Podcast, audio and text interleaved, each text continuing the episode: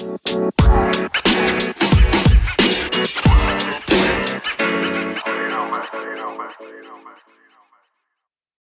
selamat datang di podcast kata temanku.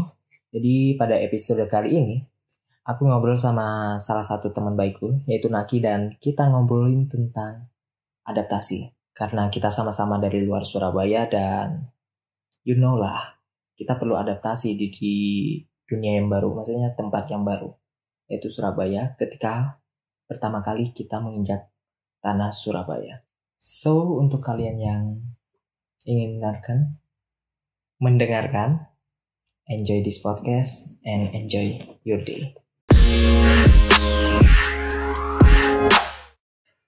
Oke, jadi sekarang kita lagi rekaman dan sekarang aku lagi sama Naki. Oh my god, kita ketawa ketawa ketawa dari tadi. So hari ini aku sama Naki mau ngobrol-ngobrol tentang apa sih? Apa ya? Apa tentang apa tadi Nak? lupa cuy ya pokoknya Udah, udah, kita mau ngobrolin tentang eh, gimana sih perasaan jadi anak rantau. Jadi Naki ini awalnya awalnya. Jadi dia ini besar dan tinggal di daerah Jabodetabek, tepatnya di Depok dan aku sendiri asalku dari Kalimantan Timur, Tenggarong. Dan mungkin kalian udah tahu sih kalau misalnya dengerin podcastku yang kemarin yang ku bilang ada temanku di Tenggarong. Nah, Tenggarong ini tempat lahirku. So, pertama, eh, mungkin aku pengen bertanya ke Naki. Jadi, gimana sih Nak? Perasaannya jadi anak rantau? Eh, mungkin bisa diceritain awalnya ngerantau di sini gimana? gitu. Oke assalamualaikum warahmatullahi wabarakatuh. Waalaikumsalam. jadi gini aku ini merupakan pertama kali ngerantau. Soalnya dari TK SD SMP SMA masih bersama orang tua. Eh awalnya itu kan mencari universitas ya berawal dari mencari universitas eh, kebetulan salah satu tempat yang pengen aku tempatin itu adalah Universitas Erlangga. Aduh, gila. Keren juga sih. Universitas Erlangga itu kan kebetulan bertepatan di Surabaya. Ah, maka dari itu itu jadi awal dari perjalanan rantauku. Tadi apa lagi pertanyaannya saudara Eh, ya awal sih, awal doang. Terus ya alasan kenapa kamu milih Surabaya gitu. Lebih spesifiknya kenapa Surabaya, Universitas Airlangga dan Fakultas Psikologi gitu. Ya kalau jujur saja saya tidak diterima di, di dekat-dekat rumah saya itu salah satu kampus Eh, inisial inisial. Universitas Indonesia. ya begitulah. Eh awalnya nggak diterima di situ. Waktu itu ngambil jalur SNMPTN. SNMPTN nggak keterima, akhirnya coba peruntungan di SBM. Nah SBM itu udah nyari-nyari juga sih jurusan-jurusannya eh bukan jurusan jurusan udah difikskan psikologi udah difikskan psikologi terus tinggal nyari universitasnya jadi dulu itu di psikologi psikologi sendiri punya akreditasi A di empat universitas Apa aja itu? pertama di UI terus di UGM Hmm? selanjutnya di Unpad dan yang terakhir itu di Universitas Erlangga Wow. tuh Oh jadi oh beneran empat doang. Aku baru tahu loh ini, sumpah. Di Indonesia cuma empat doang sampai sekarang. yang akreditasinya A kalau nggak salah ya maaf kalau yang salah Biasanya sa- Naki salah sih ini. jadi eh, lanjut ke pertanyaan selanjutnya. Jadi aku tadi belum dijawab ya Hah? Oh ya ya ya. Monggo monggo. Nah, setelah eh, melihat empat universitas itu, terus aku juga membanding-bandingkannya sesuai dengan kemampuanku juga. Hmm. Kebetulan kemampuanku ya standar standar bawah lah. ya lanjut lanjut lanjut. Akhirnya eh, melihat dari tahun ke tahun ternyata eh, kemungkinan yang bisa masuk itu ada Universitas Erlangga. Jadi di SBMPTN itu aku coba buat peruntungan di Universitas Erlangga. Tapi- Tapi ternyata tidak masuk. Aduh. Sangat bawah ternyata standar saya. terus terus terus. Ya sudah akhirnya saya mencoba untuk mandiri. Eh, akhirnya bisa juga masuk ke Universitas Erlangga. Alhamdulillah. Itu sih memang sejak awal memang karena niatan di mau ke psikologi. Jadi eh, rantau pun awalnya nggak jadi masalah buat kita demi menggapai sebuah cita-cita yang mulia. Anjir. Anjir. Kok ber, ber, ber, bermakna gitu ya omongannya. Walaupun agak-agak eh, gila. Maksudnya gini. eh, mungkin aku menggarisbawahi kata Naki tadi kalau misalnya eh, Universitas Erlangga itu berada di bawah.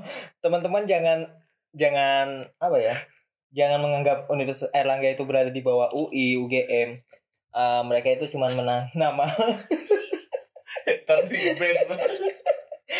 oh my god, enggak enggak enggak. Maksudnya gini, kita sama-sama bagus, tapi Uni- Universitas Erlangga itu apa ya? Namanya kurang terdengar sebenarnya.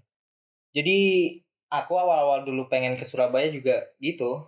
Aku bingung nyari unip, unip, yang bagus kan psikologinya dan kebetulan ternyata Erlangga itu bagus dan akreditasinya A.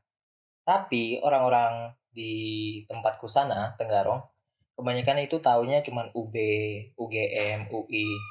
Ya, mungkin ini saran untuk Universitas Airlangga bisa lebih banyak advertising di media atau apa pun itu. Jadi kamu bakal jadi kita akan menjadi universitas yang terkenal di seluruh Indonesia. Amin. So, kita lanjut lagi, kembali ke topik. Eh, kamu kan baru di Surabaya. Maksudnya dulu kan baru di Surabaya. Terus peristiwa peristiwa apa sih yang nggak kamu bayangin dan terjadi ternyata terjadi di Surabaya gitu dan nggak pernah kamu temuin di Depok itu sih Sebenarnya banyak sih. Eh, mungkin memang perbedaan budaya juga menjadi salah satu faktor utama kenapa banyak ditemukan perbedaan-perbedaan ya. Salah satunya dari cara tata bahasa dan segala macam. Jadi dulu itu memang eh, kaget itu. Pertama kali di Surabaya seakan-akan merasa dibentak-bentak oleh orang ternyata memang tata bahasanya kayak gini. Gitu. Hmm, Terus juga mungkin karena eh bahasa induk bahasa ya? iya apa sih bahasa- namanya? Hmm? Ketahuan bego dong. apanya Bahasa Logat. utamanya, Oh, bahasa, bahasa utamanya utamanya. kan kalau di Depok itu adalah bahasa Indonesia. Hmm, Tapi kan kalau di sini bahasa Jawa itu juga sempat menjadi problem dan juga menjadi per- peristiwa yang berbeda antara di sini dan Depok tentunya. Eh apa lagi ya? hmm, mungkin mungkin kamu bisa cerita lebih spesifik Eh, contohnya mungkin bahasa Jawa yang gimana gitu yang agak-agak kamu nggak ngerti gitu soalnya bahasa Jawa itu banyak banget soalnya di tempatku di Tenggarong itu ada juga orang Jawa dan mereka ngomong Jawa. Tapi ada beberapa kata yang kukira itu cuman main-main doang kayak udah udah maem ta gitu. Kukira itu cuman kayak candaan manja atau apa gitu. Ternyata itu bahasa sehari-hari di sini dan itu salah satu yang bikin aku shock banget sih. Soalnya semua orang hampir semua orang di Surabaya ini kalau ngomong sesama orang Jawa itu pasti ngomong pakai bahasa Jawa dan so so sangat-sangat susah untuk mengerti pas awal-awal. Sekarang sih udah lumayan sih jadi nanti Pak.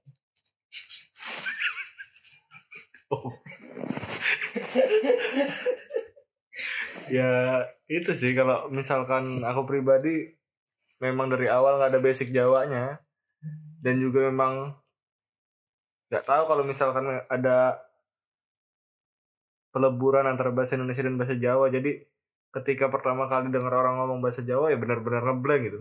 Hmm. walaupun mungkin memang ada satu kata dua kata yang kata kamu kata Ferdi tadi apa ya sering kita dengar tapi ketika sudah masuk di wilayah baru kayak kayak ngeblank gitu kayak orang asing sendiri gitu. Itu sih kalau kalau masalah tata bahasa. Terus. Terus eh, mungkin perbedaan perilaku atau gimana gitu antara Depok sama Surabaya? Yang jelas perbedaan perilakunya ya kayak tadi mungkin Surabaya lebih wani wow. Sesuai dengan tagline Persebaya jadi eh, kayak apa ya? Aku sih ngerasanya Surabaya itu cara ngomongnya itu kalau di Depok kayak ngebentak. Hmm. tuh. Cara bahasanya kayak ngebentak gitu cuma ternyata memang nggak ngebentak. Mungkin itu juga salah satu culture shock dari soalnya aku nggak pernah ke Jawa Timur sama sekali waktu itu. Cuma ke Malang sih itu juga cuma liburan. Jadi untuk singgah itu ya baru kali ini. Apalagi ke Surabaya juga baru buat kuliah doang nggak pernah liburan ke Surabaya nggak pernah apa-apa ke Surabaya. Jadi benar-benar nggak ngerti kondisi yang ada di Surabaya kayak gimana. Terus tiba-tiba kaget itu mendengar tata bahasa yang ada di sini begitu Ustadz Ferdi oh siap terima kasih pendeta Naki Oke guys, itu tadi bercanda doang ya. Jangan tersulut emosinya. tadi potong Jadi aku aku kembali lagi menggarisbawahi. Ternyata Naki itu terpaksa ke sini. Maksudnya maksudnya dia nggak ngerti apa pun dan eh, mungkin ada hubungan apa sih kamu sama Surabaya sampai berani ke sini? bukan terpaksa ya emang eh, sebenarnya salah satu cita-cita juga jadi eh, dulu itu emang tujuan utamanya itu mau masuk psikologi cuma universitasnya itu nggak tahu apa kan Hmm.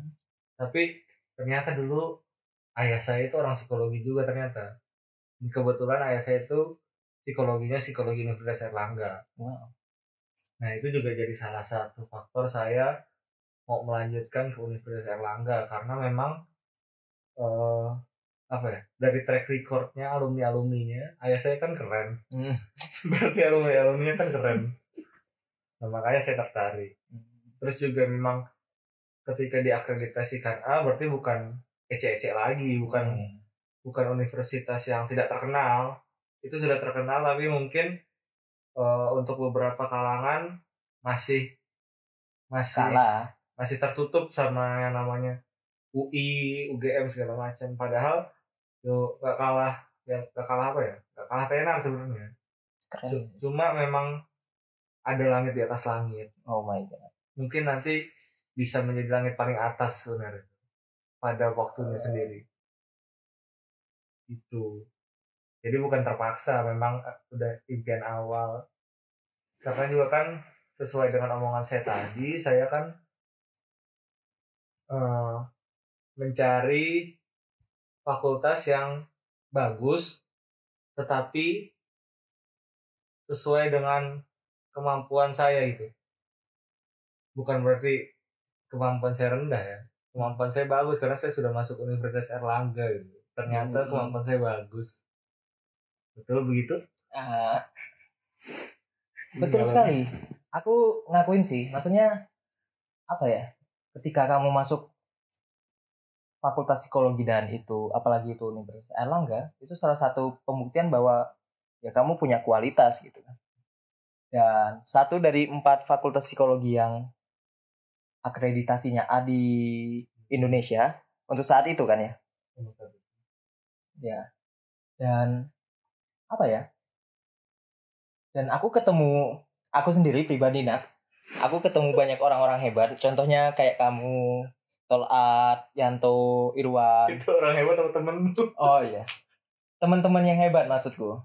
Dan beberapa orang yang lain yang nggak kalah hebat kayak kakak-kakak tingkat yang ada di futsal atau SDPC mungkin Eh, dan Psychofest wow.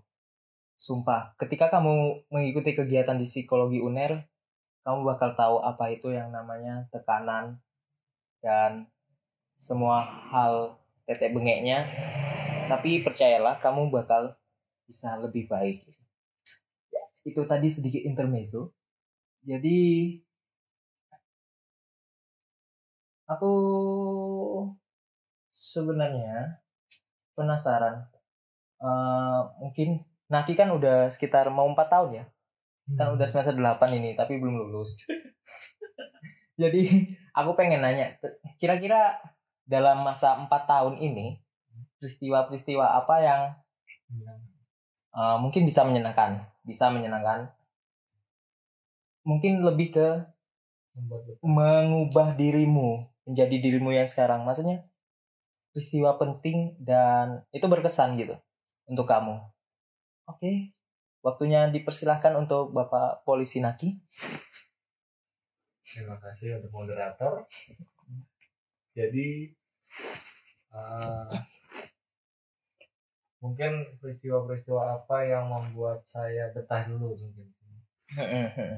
Pertama adalah pengkaderan yang ada di psikologi. Ini bukan karena saya seorang yang berpengaruh di maaf, maaf. Tadi kata dikat ya.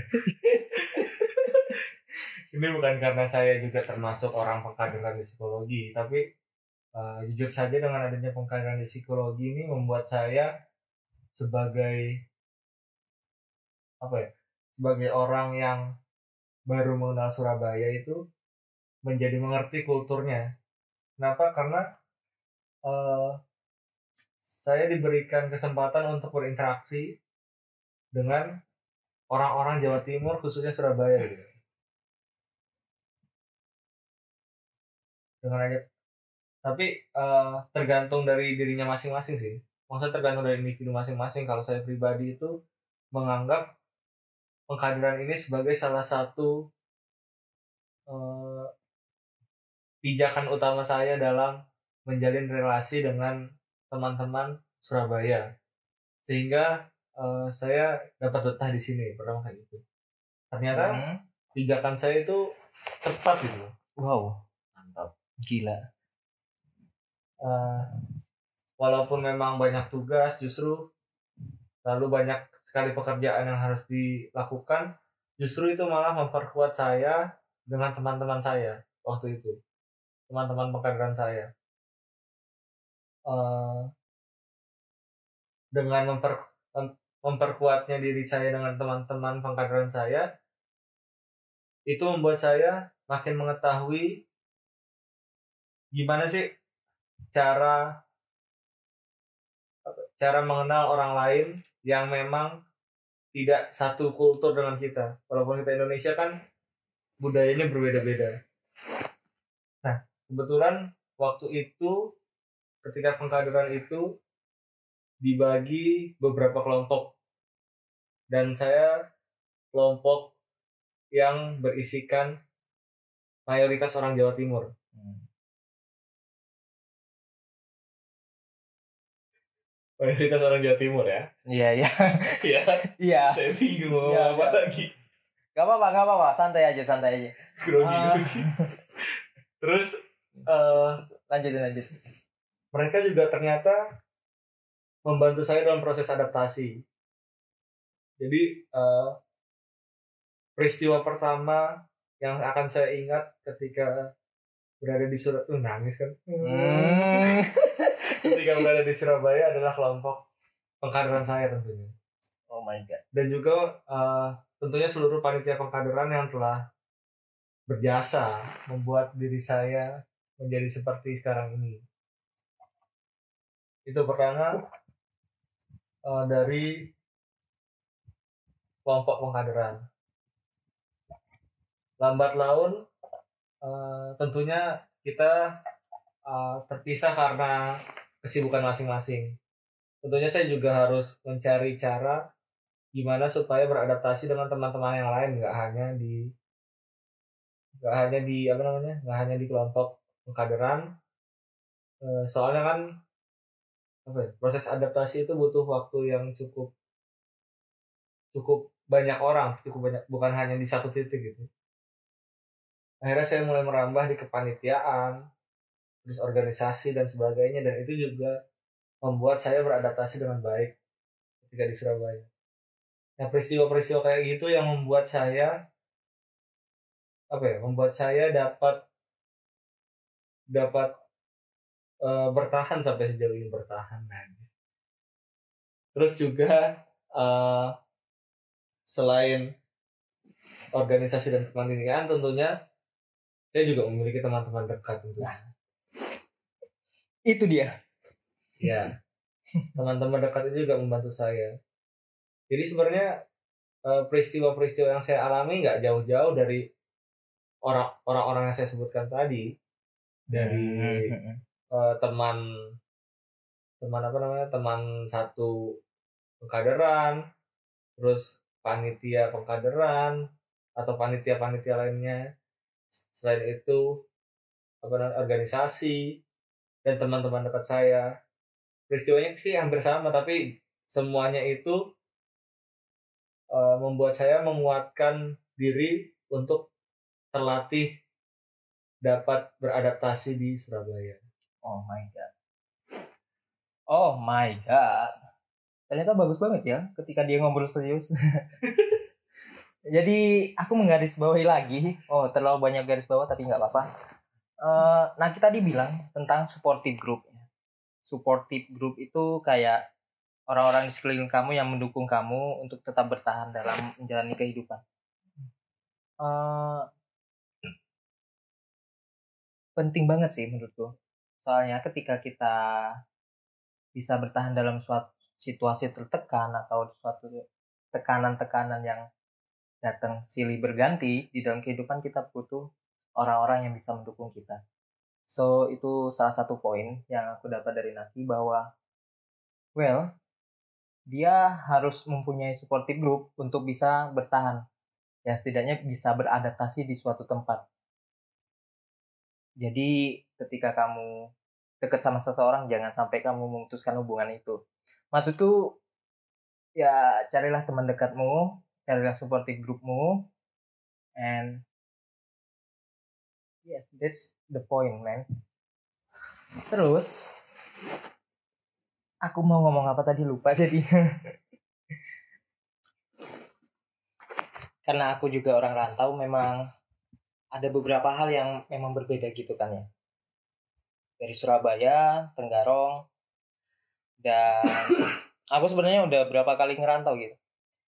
Aku pertama dari desa, kemudian ke Tenggarong, kemudian ke Samarinda sem- sempat sebentar. Soalnya aku setahun di Samarinda untuk kuliah, kemudian SBM lagi dan pindah ke ya sekarang Fakultas Psikologi di Unair. Dan aku bersyukur, maksudku setiap kali kepindahan itu emang ada beberapa poin yang apa ya nggak sengaja atau kayak oke aku harus atau aku terpaksa untuk melakukan pindah tempat. Eh, contohnya pas kelas 6 SD itu ada permasalahan. Kakakku pas kelas 2 SMP dulu. Dan gara-gara suatu permasalahan di kampung itu kita pindah sekolah.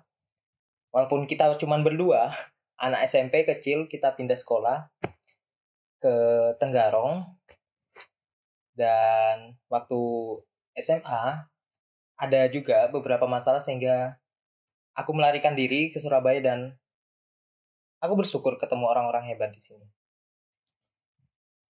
So kalau nah kita dibilang kalau supporting grupnya itu pertama adalah kelompok pengadilan, kalau aku sendiri kelompok pertama yang mensupport diriku maksudku yang aku terlibat aktif di dalamnya sehingga aku memiliki rasa keterikatan yang kuat itu adalah base of futsal.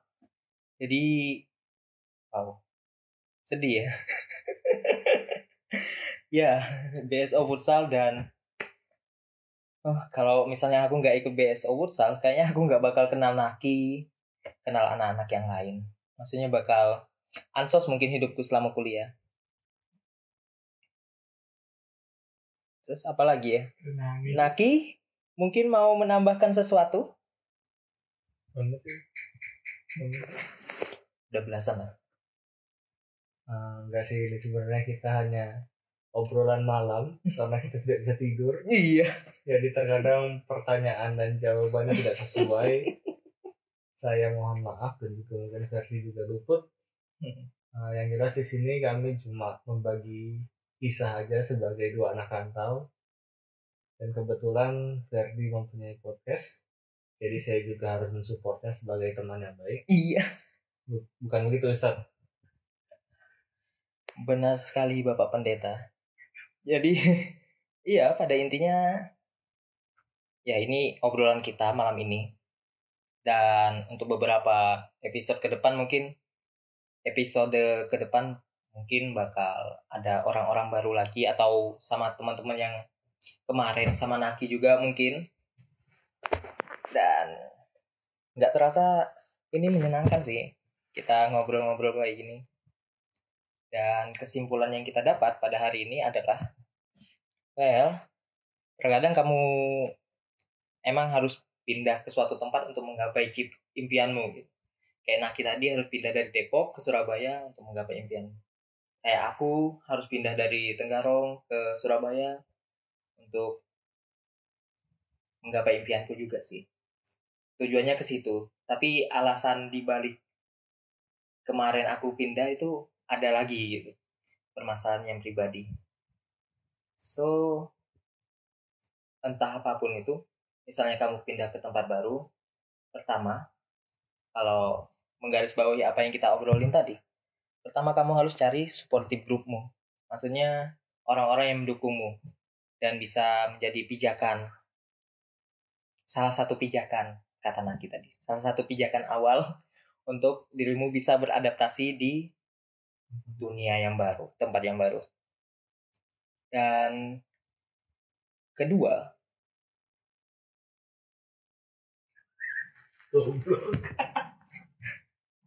dan kedua dicatat dan kedua aku lupa yang kedua apa tadi. Uh, ya kamu kamu nggak bisa memaksakan budaya budaya dari tempat kamu berasal ke tempatmu berada sekarang atau tempat yang baru nanti. Jadi kamu harus mengikuti kebudayaan tempatmu yang baru, beradaptasi dan ya kembali lagi poin pertama. Cari teman biar bisa mudah adaptasinya. Uh, mungkin lagi bisa menambahkan beberapa poin? Sudah, sudah. Atau cukup di sini? Cukup. Oh, cukup. Uh, jadi itu Mohon adalah dan mohon maaf apabila ada beberapa kata yang menyinggung beberapa teman. Ini murni bercanda. Tapi kalau misalnya kalian emang merasa itu terlalu berlebihan silahkan untuk DM Naki? Di Naki Furkon. enggak enggak DM aku di Ferdian SY di Instagram. Atau bisa mention Twitter di Anastasius V Anastasius V maksudnya. So terima kasih telah mendengarkan sampai akhir selamat malam Sampai mati nak